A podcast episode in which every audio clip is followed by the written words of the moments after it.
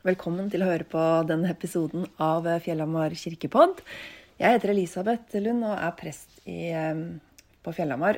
Og på søndag hadde jeg en gudstjeneste der. På andre søndag i fastetida.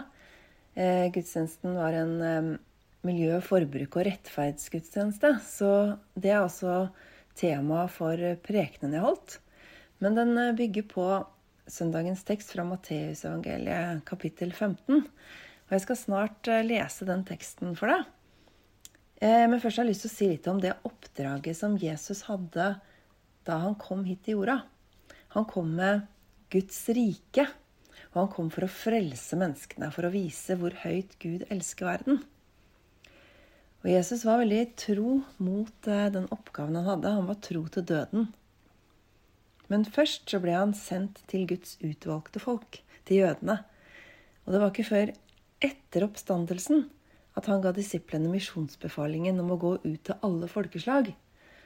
Så mens Jesus levde på jorda, så oppholdt han seg derfor først og fremst i Israel.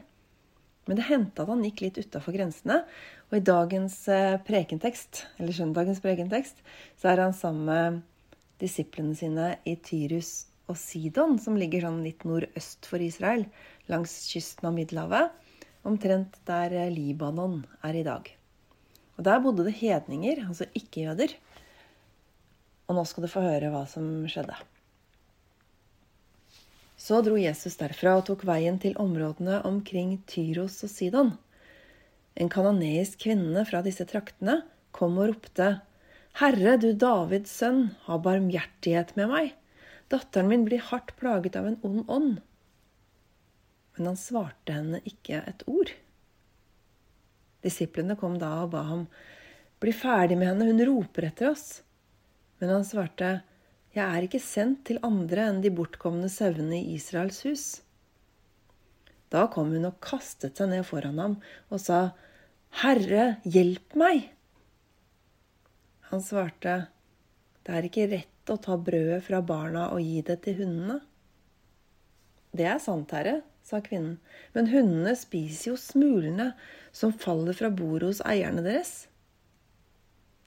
Da sa Jesus til henne, Kvinne, din tro er stor. Det skal bli som du vil. Og datteren ble frisk fra samme stund. Slik lyder Herrens ord. I dag hører vi om en kvinne som kjemper.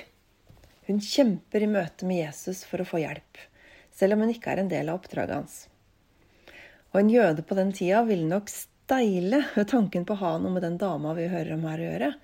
For en jødisk mann skulle ikke snakke med en fremmed kvinne. Og I tillegg beskriver Matteus henne som kanoneer av det folket som bodde i jødenes land før de inntok det. Hun var et fiendefolk, og hun var en hedning fra et folk som tilba andre guder. Og hun hadde en besatt datter. Så hun hadde altså feil kjønn, feil nasjon, feil religion og feil sykdom i huset. Hun var på alle måter eh, uren for en jøde. Men for oss så virker Jesus både arrogant, frekk og lite kjærlig når han møter henne. Kanskje litt rasistisk også. Det er ikke lett for oss å forstå seg på han, for han er ikke sånn vi er vant til å se han. Så det blir ganske tydelig at han lever i en kultur som er ganske annerledes enn vår. Men så er det tross alt revolusjonerende i den settingen at denne dama til slutt får svar og blir bønnhørt. Jesus bryter med Guds plan om at evangeliet først bare var for jødene. Det nye testamentet er jo opprinnelig skrevet på gresk. Og i denne fortellingen så syns jeg det er fascinerende å se på de verbene som beskriver det kvinnen gjør. Det første verbet er ekrasen. Det er oversatt med at hun ropte. Men det er litt mer beskrivende at hun skrek. Og det står i imperfektum og er derfor noe vedvarende. Hun er skrikende. Det er veldig intenst. Allerede i verbformen så kan vi ane en kvinne som ikke vil gi seg. Og det hun skriker, er ikke hva som helst. Hun skriker 'Kyrie eleison'. Og det er ikke lenge siden eh, vi sang det, sa jeg i gudstjenesten. For det synger vi i begynnelsen av gudstjenesten etter synsbekjennelsen. Kyrie betyr herre, og eleison betyr å ha medfølelse. ved å gjøre noe for noen. Ha medfølelse ved å gjøre noe for noen. Og hun ber Jesus om en aktiv form for medfølelse. Og hun forteller om datteren sin som er hardt plaget av en ond ånd. Og det er tydelig at det er en sterk kvinne her, syns jeg. En sterk kvinne vi har å gjøre med. Men selv om hun sikkert får til mye, så innser hun at hun ikke klarer å hjelpe dattera si.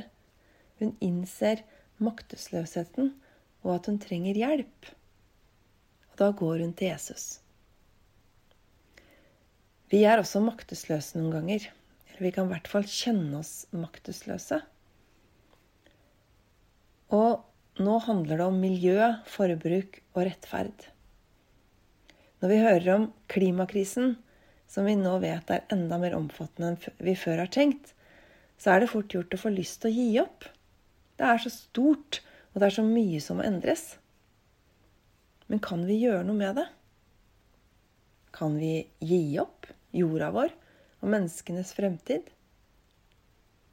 Jeg må si det er litt sjokkerende at hver fjerde nordmann ikke tror at menneskelig aktivitet påvirker klimaendringer. Og Det viser nemlig en EU-finansiert undersøkelse fra i fjor. Den heter Peritia, og over 12 000 mennesker deltok fra Norge og flere andre land i Europa. Og det er oppsiktsvekkende at Norge her skiller seg ut som landet med flest klimaskeptikere. Jeg leste et intervju med Truls Tunby Christiansen, som er førsteamanuensis i samfunnsvitenskap på Universitetet i Tromsø, eller Norges arktiske universitet. Han sier i et intervju at han er overraska over de tallene. Og så poengterer han at nordmenn generelt sett har høy tillit til forskning. 99% av alle klimaforskere har landa på at klimaendringer skjer pga. menneskelig aktivitet. Så vi skal egentlig ha gode grunner for å tvile på det. Men Kristiansen mener at tilliten til forskning blir lavere når konklusjonen av forskningen er at man må ofre noe. Vi har et nasjonalt selvbilde som en god nasjon. Og da kan det kanskje være vanskeligere å ta inn over oss at stadig flere er enige om at oljeindustrien bidrar til klimaendringer, sier Kristiansen. Undersøkelsen viser også at nordmenn er de som bryr seg minst om fremtidige endringer i Norge og i verden. Det er ikke hyggelig å høre, for oss som kanskje identifiserer oss med sitatet fra Gro Harlem Brundtland. Det er typisk norsk å være god. Men på dette området er vi ikke gode. Kan vi gjøre noe med det? Kan vi gi opp jorda vår og menneskens framtid? Vi i Norge har våre ressurser. Vi har vårt forbruk. Vi har nok til oss selv, og vi lever godt. Og samtidig, dersom alle i verden skulle hatt samme forbruk som en gjennomsnittlig nordmann, så er ikke jorda nok. Tre og en halv jordklode måtte vi hatt da. Rettferdighetens regnestykke går ikke opp. Vi har ikke tre og en halv jordklode. Vi har én.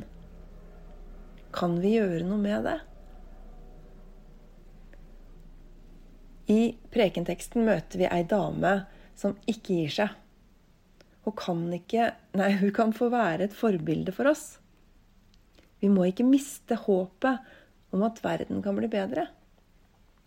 Håpet har røtter i skapelsen, i at verden ble skapt til et godt sted å være. Håpet forteller oss hvordan ting burde være. At livet burde være godt å leve.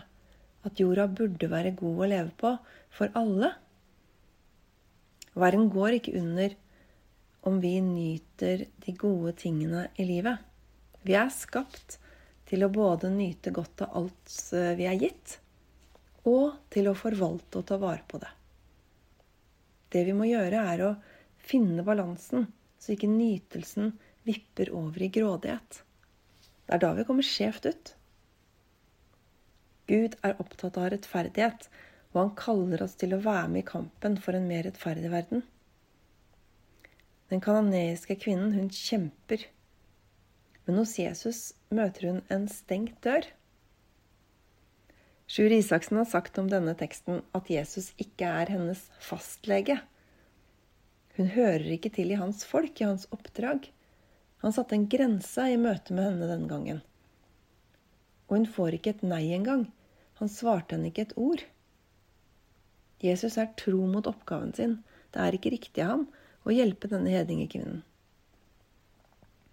Men kvinnen gir seg ikke. Hun kjemper videre og kaster seg ned på knærne foran Jesus, og hun argumenterer med ham helt til han gir seg. Jesus ombestemmer seg og løfter til og med kvinnen fram som en kvinne med stor tro. Og han helbreder dattera hennes. Jesus kom med Guds rike først til jødene, men her sprenger Guds rike grensene før det var meningen. Noen ganger må til og med Gud gå utover de grensene han har satt. Noen ganger er nøden så stor at grenser må sprenges. Kanskje det også handler om landegrenser?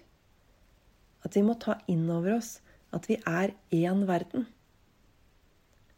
Klarer vi å kjempe på samme måte som den kanoneiske kvinnen? Hun var utholdende i motgang. Hun hadde nok guts og pågangsmot å kjempe med Gud og mennesker og vinne.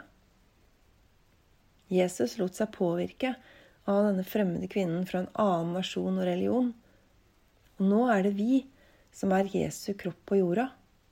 Vi blir utfordra til å la oss påvirke, til å være Jesu nærvær i verden, for andre som er i nød. Vi har ansvar for dem som roper om hjelp. Det er som om verden roper 'Kyrie eleison' til Gud. Og så hører vi ekkoet tilbake 'eleison, eleison'. Vi hører et eleison fra verden som betyr 'vis en sånn medfølelse som gjør at du gjør noe for noen'. Det er utfordrende å leve med Gud. Vi utfordres til å gi videre det vi har fått. Og det er ikke sånn at alle skal reise som misjonærer eller hjelpearbeidere til andre land, men vi bes om å elske menneskene, spre evangeliet og jobbe for rettferdighet. Guds kjærlighet er til alle. Alle er gitt evne og mulighet til å gjøre noe. Vi kan be for verden. Vi kan gi penger til de som jobber med hjelpearbeid og klimavennlige løsninger. Vi kan reagere mot urettferdighet. Til høsten er det valg, så vi kan ha fokus på hvem vi mener vil jobbe best for miljø og rettferdighet.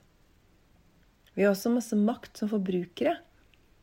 Vi kan slutte å handle så mye nytt. Vi kan kjøpe brukt, gjenbruke og gjenvinne. Vi kan tenke miljøvern i valgene vi tar i hverdagen. Vi må ikke gi opp. Vi må lære av den kanoneiske kvinnen. Når vi er i kirka, så samles vi ofte rundt nattverdbordet. Der får vi ta imot Guds frelse og velsignelse. Der kan vi knele og motta Jesus, som gir oppreisning og hjelp til å leve i tro og kjærlighet. Der kan vi få kraft til å kjempe for en mer rettferdig verden. Kan vi gjøre noe med det?